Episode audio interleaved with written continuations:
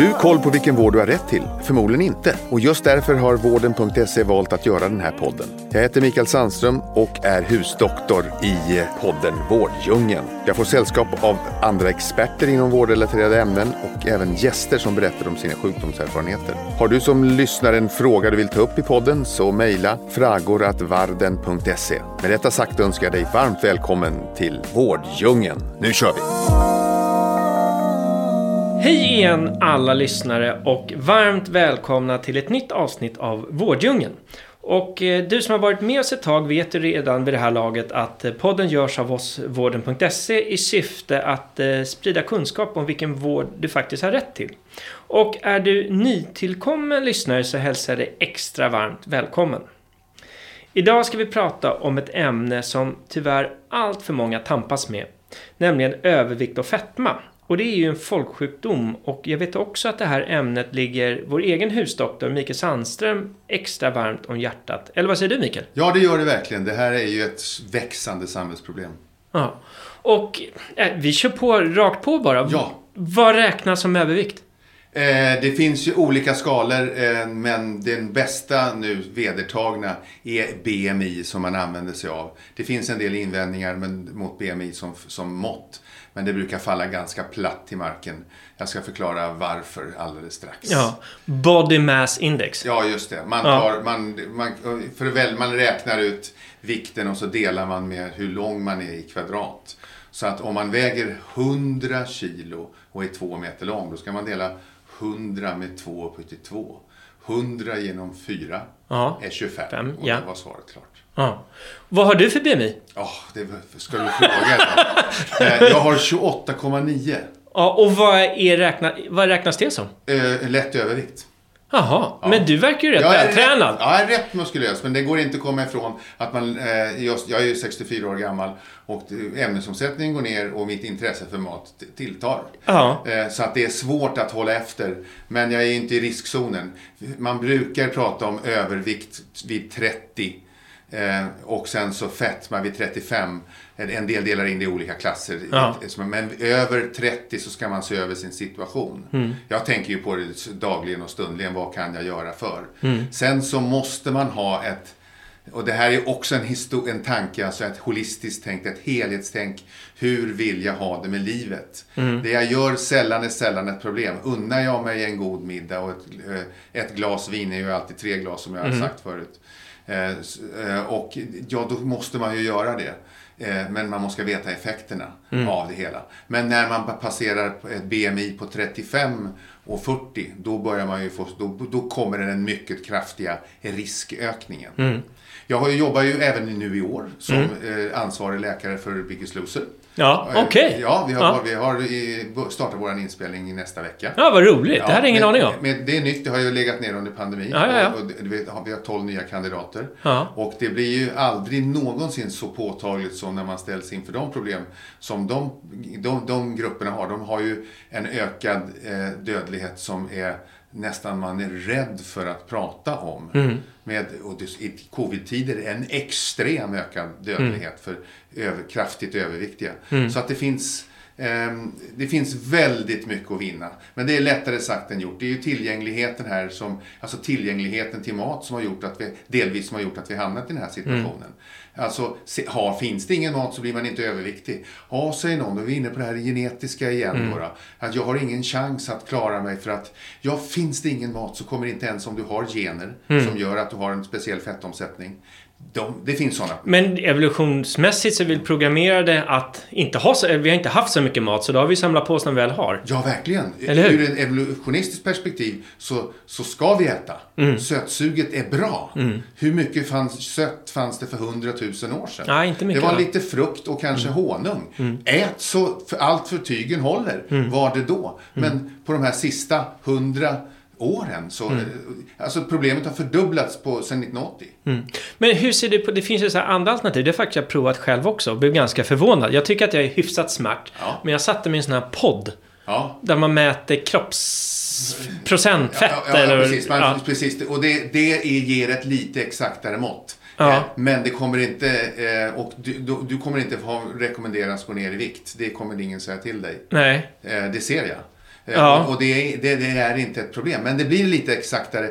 Det finns de som har väldigt mycket visceralt fett och det är av ondo. Vad är det då? Jo, fett inuti buken. Pommes frites-smal. Ja, liksom så här gubbmagen, den Ja. typiska smala med inga armar, inga ben och sen en, bu- en, smal och sen en kalaskula.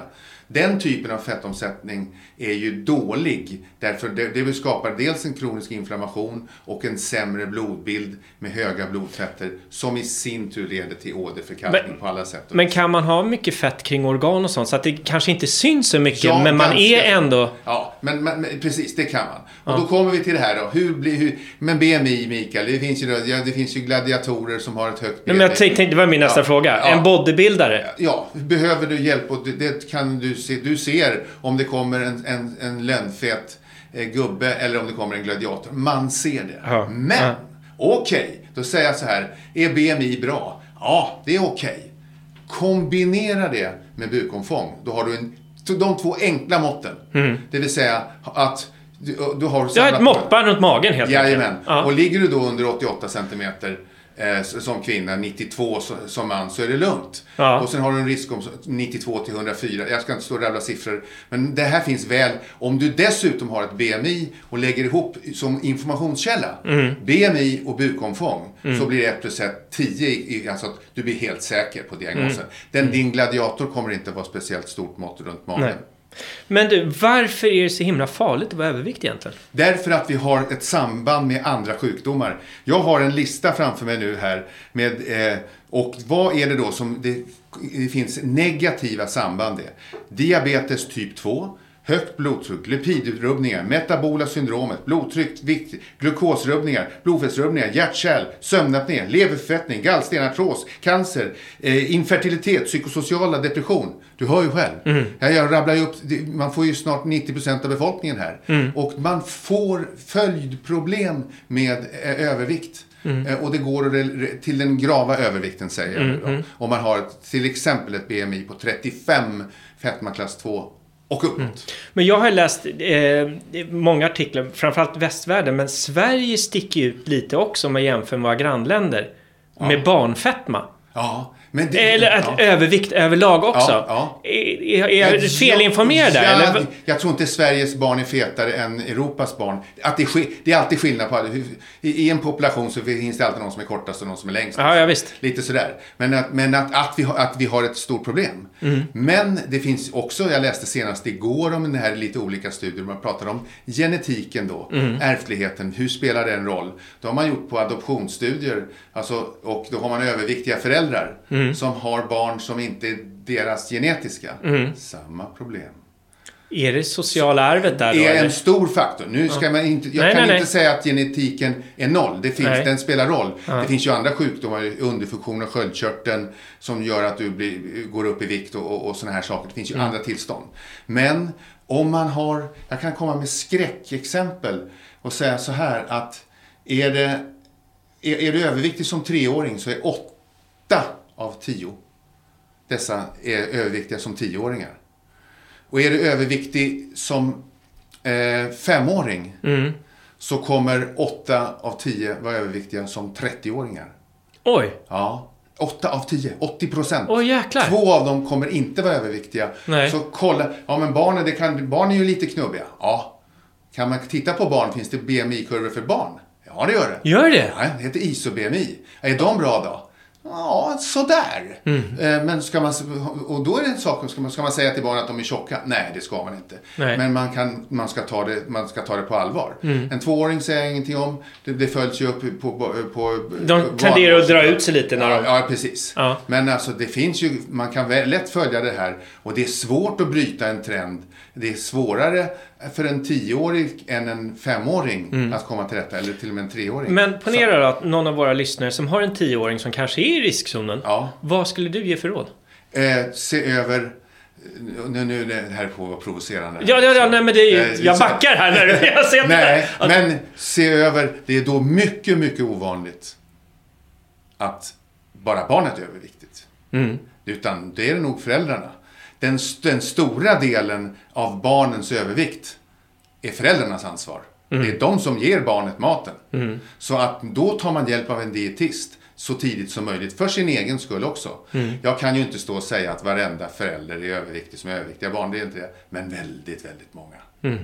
Och då måste man ta, då tar man ett helhetsgrepp för hela familjen. Det är väl toppen. Och, a, a, att se över det här. Men man måste, det, det är, statistiken är överväldigande. Ja, den lutar åt det hållet. Ja. Men sen så kan det väl finnas andra sjukdomar med, som man kan ha som kan ligga grund också. Ja, men ja, de är det, det, det är få. Ja, men de finns. Men eh, Och det här, så- sånt här är en Nej, men det är inte känsligt ämne. det är Känsligt ämne, men det är, är det mitt fel, säger mamman eller pappan, att barnet är överviktigt? Och då frågar ni mig då, så svaret ja, det är det. Ja, men det kan finnas någon, någon ärftlig, ja, ja, men vi pratar inte om dem. De, de representerar en pyttebit. Men har man ett överviktigt barn så är det föräldrarnas ansvar. Så ta hjälp. Skäms inte. Be om hjälp. Det har jag sagt så många gånger förut. Ja, men jag klarar inte det här. Jag behöver hjälp och tips och stöd. Fine, då ska du få det. mm. för hjälp finns att få. Hjälp finns att få.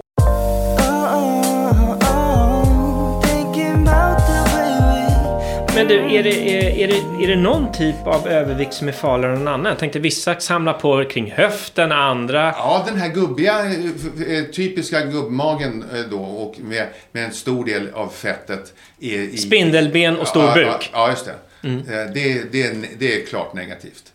Sen så kan man tänka sig så här, om man har en fysisk aktiv person så är det, så vitt man vet nu, bättre än en smal inaktiv person. Så det är det, är det som jag använder som försvar till min, att jag försöker hålla igång och göra någon fysisk aktivitet eh, en gång om, om eh, en gång om dagen. Minst tre gånger i veckan, 30 minuter. På något sätt. Det är styrketräning eller en golfrunda. Eller, och även om det är låg intensitet så är, de tenderar ju att bli... Det tar ju en 3-4 timmar mycket. Det är inte alla som kan göra det, men det, det, är, en, det är aktivitet liksom. Men du som vi kallar dig husdoktor. Ja. Vad är ditt husdoktorstips till eh, fysisk eh, aktivitet? Finn någonting som du tycker är roligt att göra och har du svårt att göra det, använd det sociala trycket och vänd det till din fördel. Mm. Det vill säga, gå med i en träning med någon annan. Två kompisar som springer, tre kompisar som springer. Men hur mycket ska man röra sig då? 30 minuter tre gånger, pulshöjande, tre, Ja. det där. 30 minuter tre gånger i veckan för vuxna nu. Ja. Vi, vi kan inte täcka hela barnhistorien. Nej, nej, nej, nej, nej. Men, Nej. barn, men gymnastik och äh, vara med aktiv ute då förstås. Ja, ja. Men det, det är det som behövs. Mm. Eh, Det är det de flesta studier är gjorda på.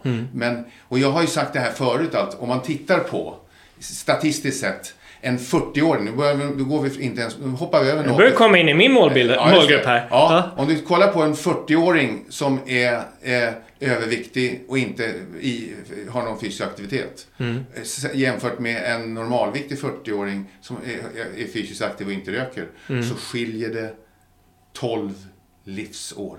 Mm. Så att man kan säga, lite hårt räknat, det här kan, Mm. eh, för varje tränad timme så förlänger du livet med två. Men det där har jag faktiskt varit med om själv. Jag, en kompis mig anmälde mig till en sån här träningstävling kan man väl kalla det. Ja. Där man, ska, man, ska, man, får, man tränar med PT under 13 veckor. Mm. Och sen så får man eh, kost... Eh, alltså dietistprogram som Ja. man heter. Och eh, jag käkade faktiskt blodtrycksmedicin. Ja. Men bara efter någon månad så började jag få yrsel. Ja, för att du hade lågt blodtryck. Ja, det tog ungefär en månad. Ja. För att, och då började jag inte medicinera, medicinera sen. Nej. Men långkosten och regelbunden träning. Ja. Och det är nästan provocerande lite, i alla fall för mig. Ja, så att det, det, det finns väldigt... Men det är ju det här, alltså alla har hört det. Ja. Finns det någon överviktig som tror att pommes frites är bra? Nej. Om du frågar dem så här, Nej, nej, ja, nej. jag ser, ja, du här, om jag kommer till tror du att det är bra? Nej, jag vet att det är dåligt. Ja. Men jag kan inte låta bli. Och då måste man försöka där. Vad gör man där då? När man... Ja, ja, då finns det olika sätt. Och, och, och, då, det finns en hel behandlingsarsenal. Ganska lite mediciner. Det finns mediciner som gör att du dämpar eh, aptiten. Mm. Fungerar inte speciellt bra vetenskapligt. Mycket biverkningar. Det finns mediciner som gör att fettet inte bryts ner utan du bajsar ut mer fett. Mm. Du blir lös i magen, luktar skit och besvärligt. Du blir röd i baken, du får ont, du får diarréer. Det, det är inte bara Mm. eh, att... Så det finns... Det är sådär. Sen har vi då, då som vi gjorde mycket på Lindesbergs lasarett, gastric bypass. Ja, magsäckskrympning, eller vad kallar man det? Man, man kopplar om lite, Ja. eh, tarmarna lite grann. Det finns olika metoder. Mm. Det är den som har bäst visade långtidseffekter. Mm. Och sen så kommer vi då till, till dieterna. Hur Ja. gör man med dieterna? Alltså hur förhåller man sig till alla? Vi kan ju dra 30 eller 40 olika förhållanden. Allt ifrån stenåldersdieter till medelhavs till eh, LCHF till vad ni vill. De kan funka. De funkar bäst i det korta perspektivet, sex månader, kanske upp till ett år. Därefter så måste man förstå skillnaden mellan en diet och en livsstilsändring. Det var precis jag tänkte det, komma det, till. Det är det, det mm. alltså en diet, det var 16 weeks of hell och sånt där. Ja. Och de blir jättesnygga och deffade och man Men man kryper ju upp där igen ja, ändå. Man, precis. Ja. Men är inte, är inte det så att kroppen försöker på något sätt komma tillbaka till något normalläge hela tiden? Det lyckas den inte med. Det nej, nej, nej, nej, men alltså att även om det bantar väldigt mycket ja. så, så går man... man alla, jag har läst någonstans. Ja. Har, man har någon sån normalvikt som kroppen har lärt sig att ligga på. Den kan vara lite över, lite under. Ja, men, men, att den, den tenderar att gå tillbaka till den. Nej. Nej, det är fel. ja, det är fel. ja, bra, då, bra. Då, då, utan den tenderar, med åldern så tenderar vi att få mindre muskler, mer fett och gå upp lite i vikt. Mm. Det, är den, det är den stora gruppen som mm. gör det. Eh, så, så det, det, kan man säga sig säkert. Sen om du nu väger 100 kilo säger vi. Mm. Då har du ju liksom, för att göra det väldigt ja, ja, räkna. Ja. Då har vi en viss ämnesomsättning som är 100. Så går du ner till 90. Då har du en ämnesomsättning som är 90% av den. Mm. Och sen pallar du inte mer så går du upp till 105 sen. Mm. Har du då 105% som? Nej. Nej. Du har 95. Så kroppen när den svälter reglerar ner. Det är ett försvar. Vi ska spara. Mm. Så när vi börjar banta, eller på vad vi nu vill kalla det, dieten och vi börjar gå ner och alla är glada och nöjda.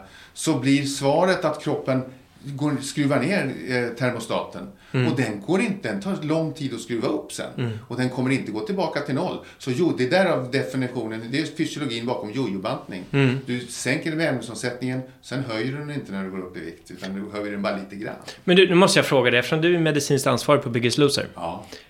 Hur många är det som är med i programmet? 12 sa du? 12. Ja. Av de 12, hur många går upp? Om du mäter dem ett år efter. Ja. Hur ser, den, hur ser den, den, gruppen ut då? Ett år efter vet jag. Men, jag, jag, det, men vad finns det för data? Det, det, finns, det finns en del data från de första amerikanska Biggest Loser-tävlingarna. Då hade de också 12. Då hade 11 stycken ökat i vikt tre år senare. Det var bara en som, någon, en på 10 eller en på 12 mm. som orkade hålla sin vikt. De andra, och det visar ju hur svårt det är. Ja, och då finns det fler faktorer. Och då är det ju så att det här är ju ett, ett selekterat material om man bara tar dem absolut med BMI på 50 och uppåt. Mm. Men det man inte hinner med riktigt, vilket jag tänker försöka eh, förklara, och det är ju min roll ja, ja, ja. i Biggest Loser, är att förklara att det är en jättebra med en diet och få kunskap. Gå till dietister, träna. Suveränt! Jättebra! Men ska du ha en framgång och leva länge så måste du få komma till med en livsstilsförändring också. Mm. Att bo på slottet och träna, det är mm. inte en livsstilsförändring. Mm. Det är ett tillstånd som sker under 3, 4, 5 månader. Mm. mm. Och det man måste kunna hantera detta. Men du, eh, fråga, du sa det om, om bukfetma. Varför lägger sig det där på män? Alltså man får gubbmagen. Ja, alltså det finns flera fysiologiska. Dels är det centralt placerat och det är lätt att bära. Ja. Och, och vi, vi, på savannen så vart vi 30 år och dog av infektioner. Ja. Eller, eller uppätna av djur. Ja. Det var inte ett problem. Åderförfettning och sånt var ju inte ett bekymmer. Man levde inte så Man länge. Man levde inte Nej. så länge så att det blev ett problem. Mm. Men då är det bra att centralt lagra energin. Det är lättare att bära. Mm. Mm. Och, och, så här. Men det, det, blir inte så bra i långa loppet. Det, det, det här fettet som ligger kring magen och inuti bukhålan är mer biologiskt aktivt i negativ riktning och skapar sämre blodbild vad det gäller blodfetter och så. Mm, mm.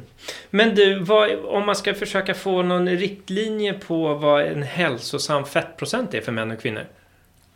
Vad skulle du säga då? Då, då skulle jag säga att det är ju för män kanske, ja, det rätta svaret är som jag har läst på 8-24 procent och 20-30 för kvinnor. Mm. Alltså, men eh, 8 fettprocent, det, det är en... Men då har man ju, tvätt, då har man ju ja, tvättbräda, ja, ja, eller? Det har du någon gång någonstans vid 12-13 procent. Okay. Så att runt 20 procent, ska jag säga, runt 20 så är du hemma. Mm. Eh, och eh, du, var in, du var inne på det lite tidigare, det här med pommes fritesen. Alla vet ju vad man bör äta eh, och ska äta.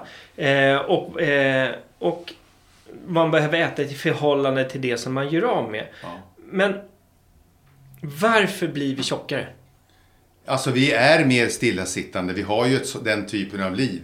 Och sen så finns det tillgängligheten ökar och vi blir rikare. Vi har råd att köpa. Förr fanns det inte möjligheten. Om, om du sitter i ett svältläge någonstans så blir inga människor tjocka för det finns inget. att bli- Det gäller samma sak med alkohol också. Eh, Och, så att, och vi rör oss mindre. Så det där är ju någonting man måste ta tag i. Och allt godis ligger vid kassan. Ja, man- och det är bara att sträcka ut vi- Och då, då, då sviktar psyket sådär.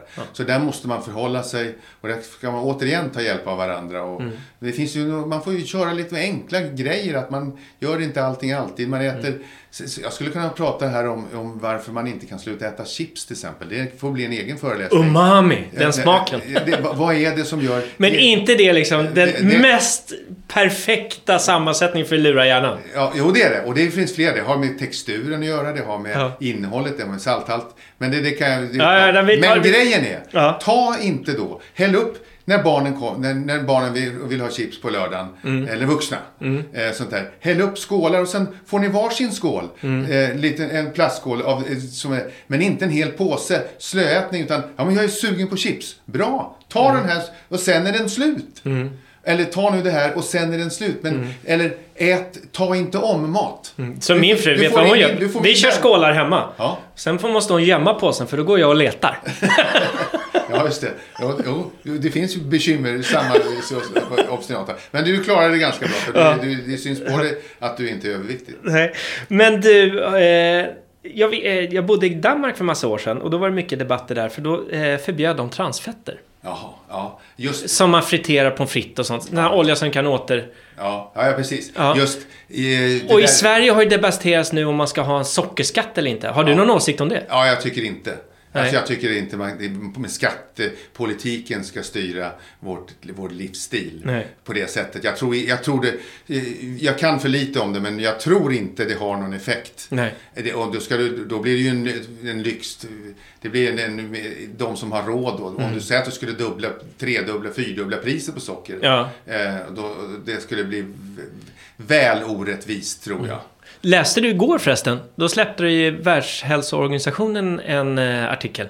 Ja, hej, vilken tänker du på? Om sötningsmedel. Aspartam ja, och ja, så, nej, det läste jag inte. Nej, eh, nej, men de avråder från det.